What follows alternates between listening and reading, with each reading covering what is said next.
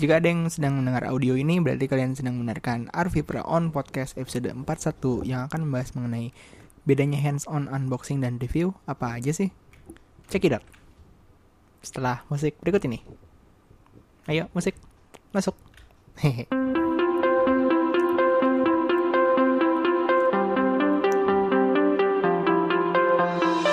Oke, eh, semuanya apa kabar? Eh, bagaimana weekend kalian kemarin? Dan ya semoga eh, minggu ini menjadi minggu yang salah satu minggu yang bisa kalian manfaatkan dengan baik. Sebenarnya gue pengen mengucapkan apa ya? Selamat datang. Mungkin soalnya tiba-tiba follower SoundCloud gue tiba-tiba nambah cukup banyak hampir berapa ya berarti ya? pokoknya nambah nambah lumayan banyak lah thanks yang udah follow Eh, jadi komsen ya apa podcast ini tuh ya ya ya podcast ini tuh eh, sebuah podcast yang membahas mengenai eh, teknologi gadget dan dunia di sekitarnya. Eh, durasinya sekitar 30 menit. Cuman gua mau apa ya mau uh, naikin level dikit lah ke 45 atau sejam mungkin. Ya gue tahu gimana gue ntar bikin materinya gimana apakah bisa. Ya we'll see lah lihat nanti lah kayak gitu jadi eh, podcast ini bisa kalian dengarkan di SoundCloud. Kalau misalnya episode yang lama kan di SoundCloud tuh nggak ada episode lama. Kenapa? Karena soalnya SoundCloudnya menggunakan akun yang gratis jadi ada keterbatasan untuk mengupload. Episode yang lama kalian bisa dengerin di arvipra.my.id kalian tinggal search aja mau apa track yang mana ntar bisa langsung didengarin di situ dan langsung di download secara gratis atau kalau misalnya kalian punya apa menggunakan smartphone entah itu Android atau iPhone gitu kan kalian bisa untuk Android kalian bisa download aplikasi podcast apa pun. Kalian search aja di Play Store podcast P O D C A S T. Nanti eh, ada aplikasinya banyak tuh. Kalian pilih aja mau yang mana ada yang bayar ada yang gratis tapi ada iklan ada yang gratis. Nggak ada iklan mungkin. Nah itu kalian cari aja yang sesuai dengan kebutuhan kalian terus kalian search aja Arvi Brown Podcast nanti di situ juga bisa kalian subscribe. Dan kalian bisa dengerin semua episode dari awal gue bikin podcast sampai yang terbaru. Seperti itu. Terus juga ada sosmed-sosmed Arvi Brown Podcast kalian bisa follow di Instagram di Facebook page uh, dan di uh, line official account. Semuanya di atas nama Arvi Brown Podcast. Kalian cari aja Arvi, Brown Podcast. Atau kalian bisa cek di websitenya itu kalau nggak salah ada uh, hyperlink buat ke sosmednya seperti itu. Oke karena nggak ada email yang masuk, kita langsung langsung ke berita aja ya. Jadi berita pertama dari ini kan kemarin kita sempat ngebahas USB. Nah ini ada berita terbaru mengenai USB. Jadi uh, USB uh, 3.2 siap untuk di apa ya diaplikasikan ke semua teknologi eh, apa masa kini lah seperti itu. Jadi katanya USB 3.2 ini mendukung bandwidth sampai 20 gigabit per second yang berarti dua kali lipat dibandingkan USB 3.1 generasi kedua dan eh, si bandwidth yang besar ini juga di dia membutuhkan eh, apa konektor atau port Type C. Jadi untuk Type A itu udah kayak katanya nggak mendukung untuk USB 3.2. Jadi eh, speed USB 3.2 ke atas mungkin semuanya dalam bentuk Type C. Jadi kan kita sebelum eh, kalau yang episode kemarin kita udah ngebahas apa itu USB, hmm, apakah bentuk itu mempengaruhi speed atau apa dan segala macam. Kalian bisa cek di podcast minggu minggu sebelumnya, minggu lalu kayak gitu. Jadi USB 3.2 udah siap di eh, apa aplikasikan ke teknologi-teknologi masa kini. Uh. Berita kedua, berita kedua itu datang dari Nvidia. Jadi Nvidia ini eh, rencananya mau merilis apa ya? Jadi mungkin ini karena eh, AMD Radeon juga udah ngeluarin Vega kali ya. Jadi Nvidia ini akan merilis VGA card terbarunya yang dinamakan GTX uh, 1070 Ti. Jadi 1070 Ti ini kastanya itu tuh di atas 1070 tapi di bawah 1080 seperti itu. Uh, katanya tuh spek yang dihadirkan tuh sebenarnya mirip-mirip sama 1080. Cuman 1080 menggunakan memori GDDR5X, sedangkan 1070 Ti ini hanya menggunakan memori uh, GDDR5 aja, nggak X seperti itu. Jadi uh, tetap ada keterbatasan keterbatasan bandwidth dibandingkan 1080, cuman performanya tetap di atas dari 1070 biasa gitu seperti itu. Nah, rencananya kabar-kabarnya sih GTX 1070 Ti ini akan diluncurkan pada tanggal 26 Oktober dengan harga sekitar 429 dolar. Ya berarti kan sesuai ya itu di atas 1070 dan di bawah eh 10 juta ya di atas 1070 dan di bawah 1080. Gimana apakah menurut kalian gimana nih 1070 Ti ini? Kok kalau gue tuh kayak kayak nanggung banget ya kayak sebenarnya 1070 dan 1080 tuh udah apa ya?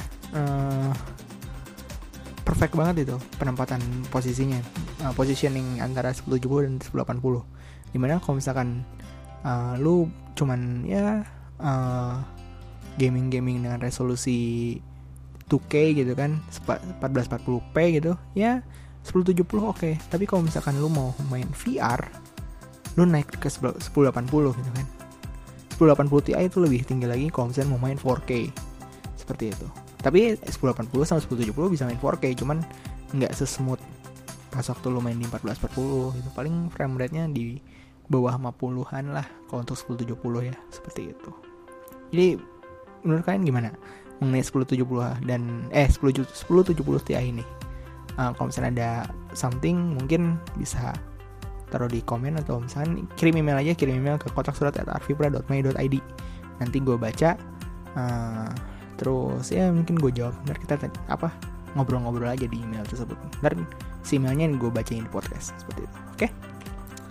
berikutnya selanjutnya. Jadi sebelum ini tuh um, ada rumor mengenai bukan rumor sebuah foto yang memperlihatkan apa seonggok laptop yang uh, ada gambar Google Ultra Pixel langsung seluruh dunia tuh wah ternyata the next Pixel phone akan ini H to H screen gitu kan. Infinite infinite display apalah full view display apalah gitu seperti itu. Cuman ternyata uh, diketahui kalau misalkan itu hanya hoax. Uh, jadi si gambar itu tuh dibuat sama seorang desainer bernama Ricardo Cambo.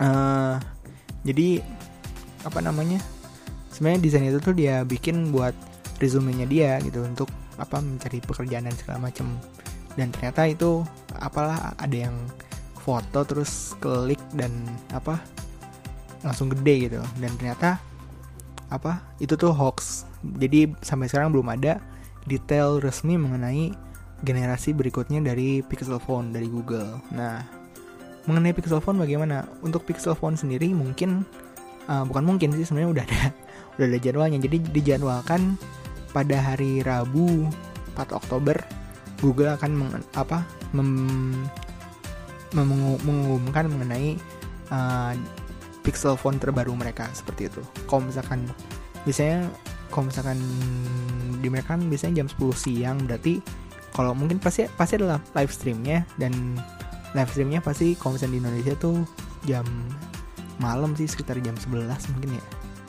Iya. Jam 11 seperti itu. Jadi apakah kalian menunggu menunggu Pixel Phone? Apakah Pixel Phone akan seperti tren-tren high apa flagship zaman sekarang di mana semuanya uh, layar yang H to H screen gitu dengan dengan screen to body ratio yang kecil gitu? Gimana? Menurut kalian gimana?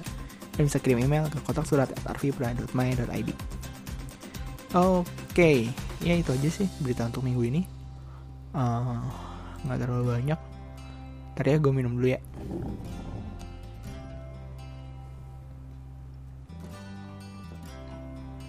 Oke. Okay. Uh, eh, kita masuk ke pembahasan aja mengenai bedanya hands-on, unboxing dan review.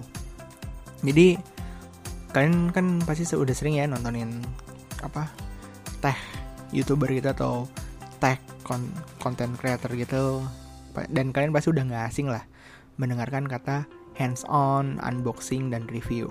Tapi uh, eh, gue masih ngeliat nih masih ada aja yang kayak apa uh, nggak tahu ya apa apakah mereka tahu bedanya apakah mereka tahu bedanya hands on unboxing dan review atau mereka menganggap hands on dan unboxing dan review itu sama gitu. Seperti itu gue nggak tahu uh, apa dari kedua itu mana yang benar gitu kan. Cuman kadang-kadang gue suka lihat gitu apa yang misalnya ini deh misalnya ada teh youtuber gitu.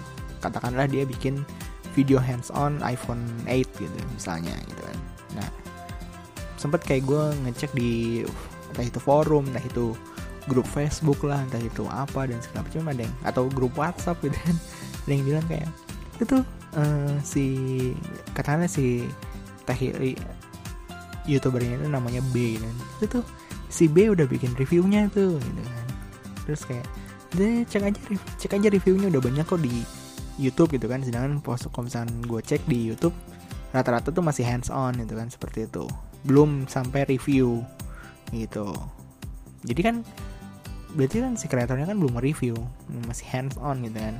Nah di episode ini gue pengen jelasin ke kalian apa sih itu hands on unboxing dan review. Semoga bermanfaat. Oke kita mulai dari hands on biasanya video hands on itu dibuat berdekatan dengan announcement dari sebuah produk atau bahkan saat si produk itu di announce videonya udah keluar gitu seperti itu.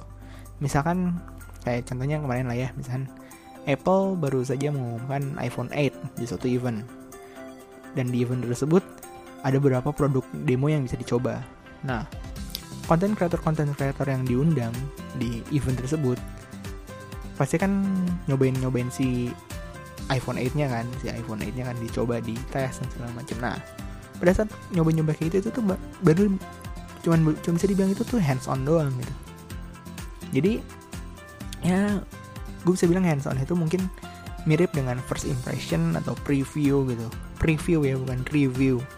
Nah konten yang ditonjolkan di video hands on itu yang pasti tuh uh, ada pembacaan spesifikasi prosesornya apa RAM-nya berapa storage-nya berapa eh, GPU-nya apa terus kameranya berapa megapiksel konfigurasinya komsen dua kamera apa gitu kan baterainya berapa miliampere hour gitu seperti itu. Lalu setelah spesifikasi biasanya dijelasin key selling produknya. Misalkan key selling dari produk A itu adalah kameranya yang uh, ada dua gitu kan di harga yang murah.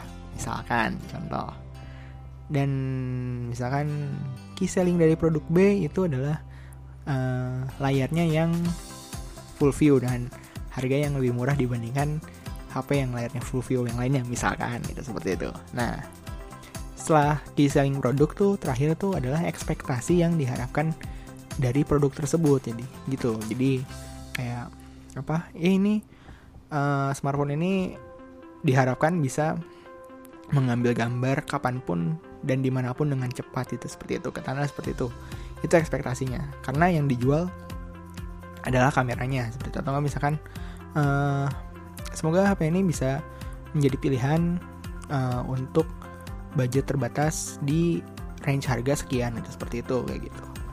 Nah, jadi kalau misalnya ada yang bilang atau ada yang komen gitu, kok gak disebutin kekurangannya bang, cuma kelebihannya aja. Wah ini parah ini pasti dibayar ini, ini pasti reviewnya ini uh, apa uh, dipaksa ini sama yang punyanya sama yang apa merek HP-nya wah ini pasti abang ini udah dibayar ini. Segala macam kayak gitu. Ya gimana ya? Ya karena itu baru hands on belum bisa diketok palu kekurangan dan kelebihannya apa aja.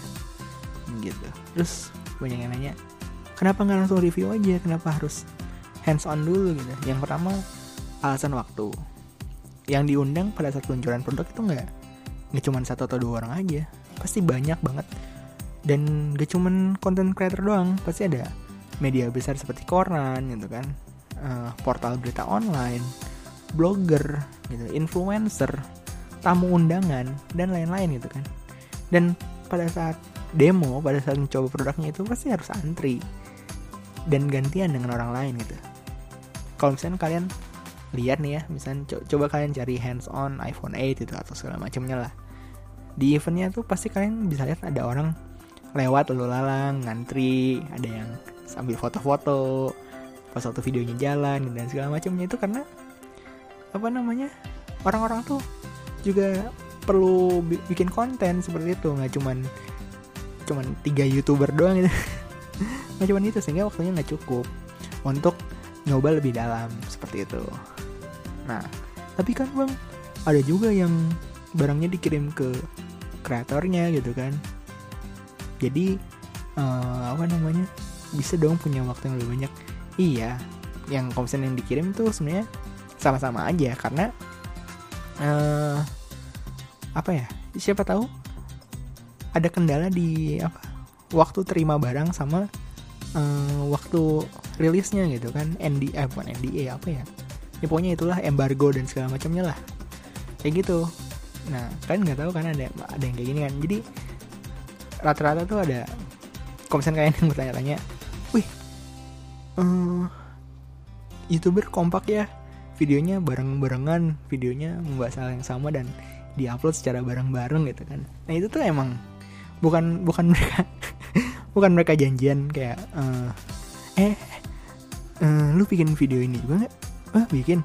Oh yaudah ntar kita uploadnya bareng-bareng aja biar kayak wow gitu kayak Avengers itu. Jadi kayak daripada kita cuman sendiri-sendiri nguploadnya kita uploadnya bareng-bareng jer kayak langsung wah keren gitu kan. Nah itu tuh nggak kayak gitu. Itu tuh emang emang udah diatur sama si si yang yang punyanya yang apa si produk si perusahaan hand smartphone-nya itu loh. Jadi kayak eh ini nih barang nih bebas nih mau di ah, pakai di bikin hands on doang mau kalau mau review silakan. Cuman ya apa eh, jadwal tayangnya tanggal segini jam segini ya kayak gitu.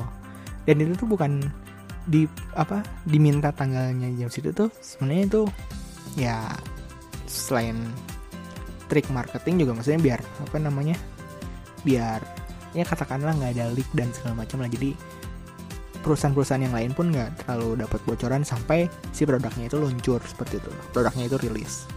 Seperti itu. Nah sebenarnya tujuan dari video hands on itu apa? Ya bisa dibilang hands on itu semacam publikasi aja dari sebuah produk gitu kan. Melalui subjektivitas kreator. Nah kreator nanti akan mengungkapkan ekspektasi dari produk tersebut dan akan dijawab melalui video review yang akan datang. Kira-kira yang seperti itulah. Nah, setelah itu kita lanjut ke unboxing. Nah, unboxing ini lebih simpel lagi sih.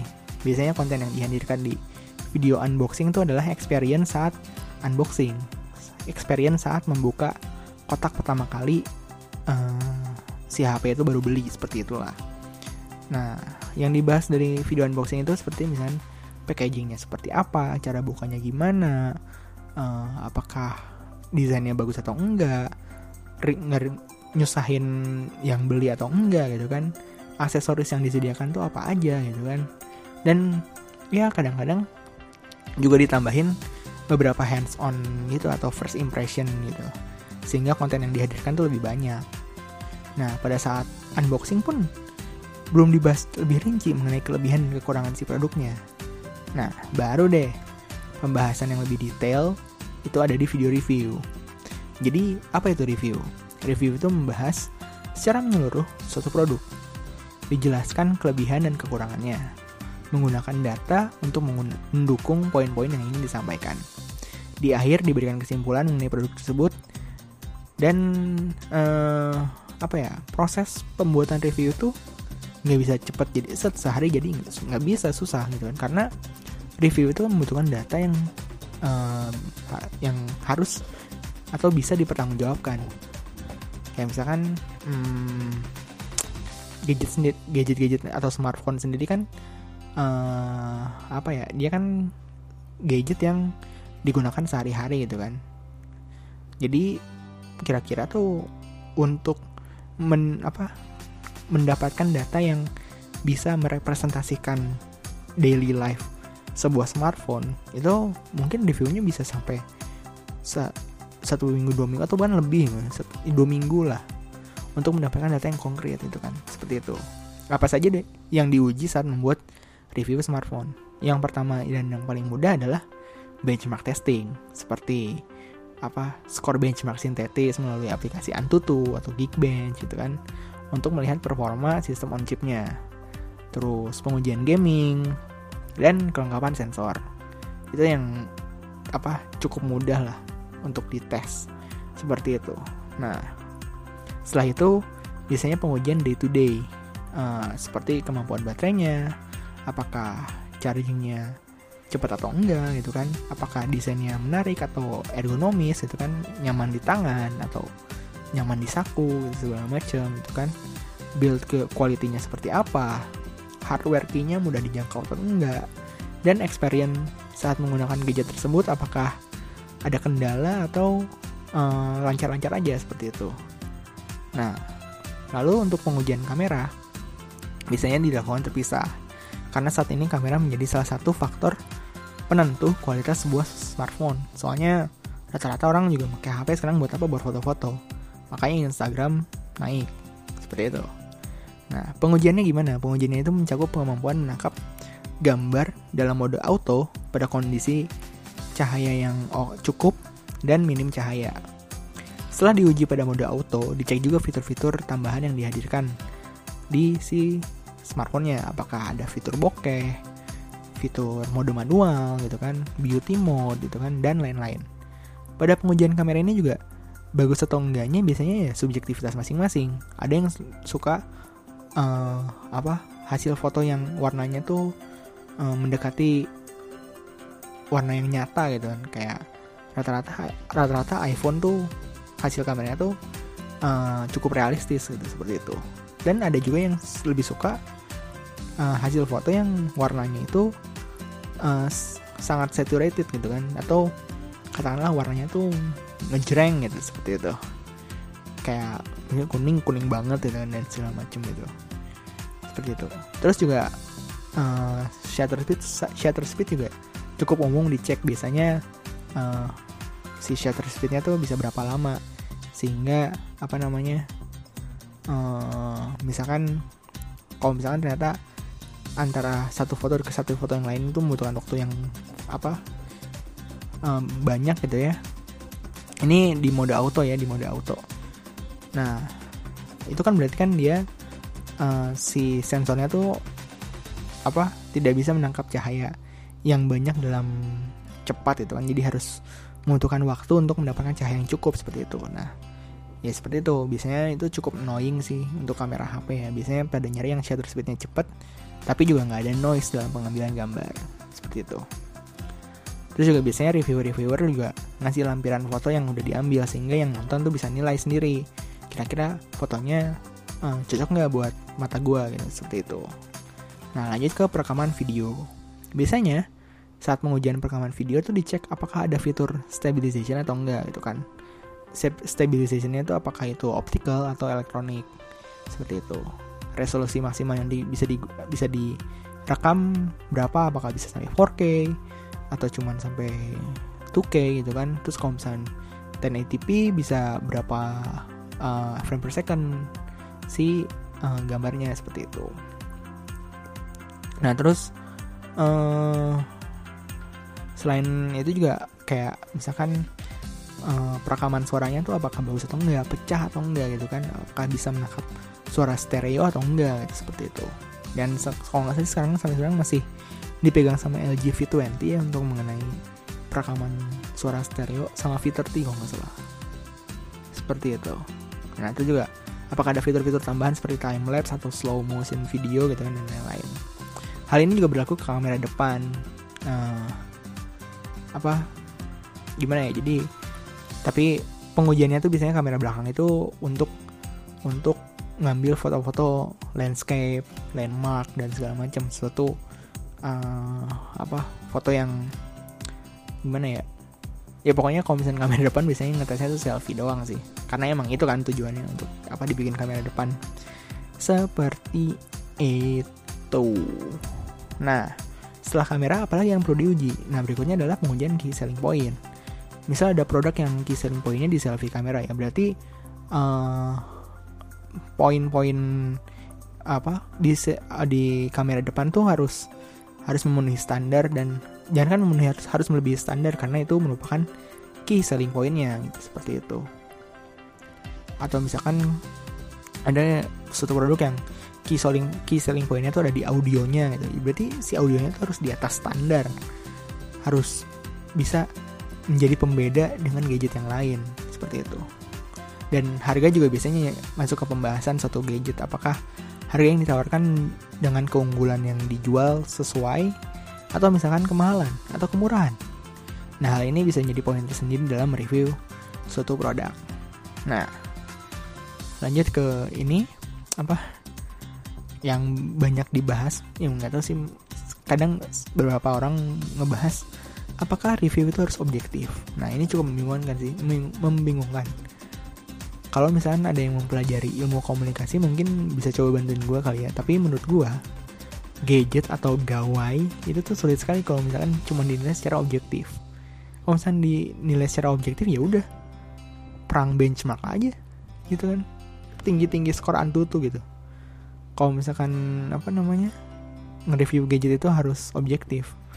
Yang menang ya pasti yang kayak key selling utamanya di spesifikasi apa di atas kertas dong. Dan dengan harga yang sama atau lebih murah seperti itu. Ya mungkin kalian tahu lah ya gadget apa yang begitu. Cuman tapi ya perlu diingat bahwa kebutuhan orang-orang tuh beda-beda. Suatu produk tuh dibuat tuh nggak mungkin ngasal lah. Pasti ada risetnya ada penelitiannya.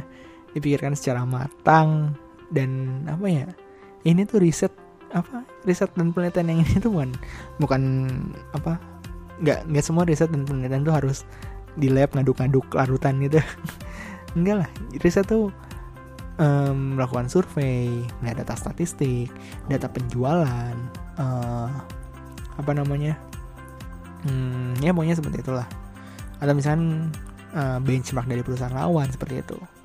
Dan menurut gue tuh subjektivitas dalam sebuah review gadget tuh harus ada minimal uh, memberikan ekspektasi pada saat hands on dan menjawab ekspektasi tersebut pada saat review. Apakah ekspektasinya tercapai atau ternyata cuma gimmick seperti itu oke okay.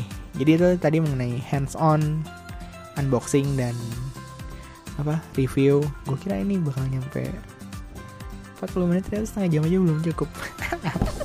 Oke okay, jadi uh, itu tadi mulai ini uh, sebelumnya gue pengen update dulu. Gue baru megang Xiaomi Mi E1 mungkin akan gue review. Gue nggak tahu reviewnya apakah dalam bentuk video atau misalnya dalam bentuk podcast. Kayaknya kalau misalkan gue niat gue mungkin dalam bentuk video tapi gue harus ngomong ke beberapa orang dulu mengenai video ini. Kalau misalkan ternyata nggak bisa ya berarti gue bikin audio doang. Cuman ada satu produk yang akan gue review dan mungkin akan rilis minggu depan. Seperti itu. Produk apa itu? Ya. Ya mungkin kalau misalkan sempat ngeliat cek insta stories mungkin tau lah ya. Ya gitu. Jadi uh, ya itu aja. Thanks yang udah dengerin.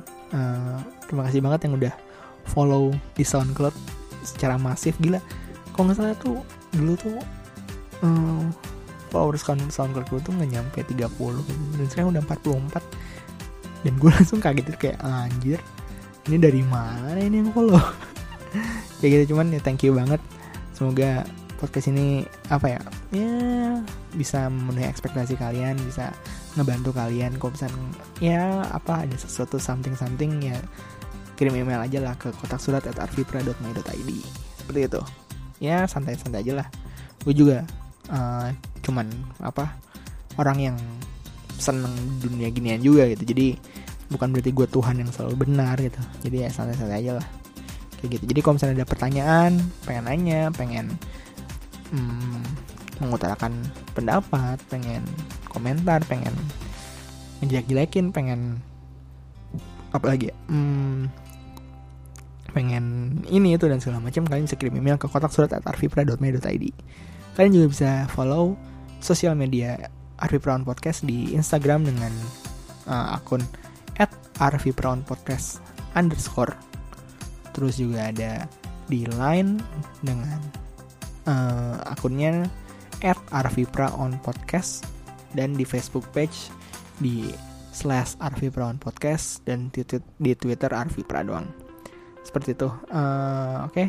uh, semoga minggu ini jadi minggu salah satu minggu yang menyenangkan buat kalian. Hmm, see you next week. Oke okay, kalau kayak gitu ya temukan passion kalian dan jadi yang terbaik. Dadah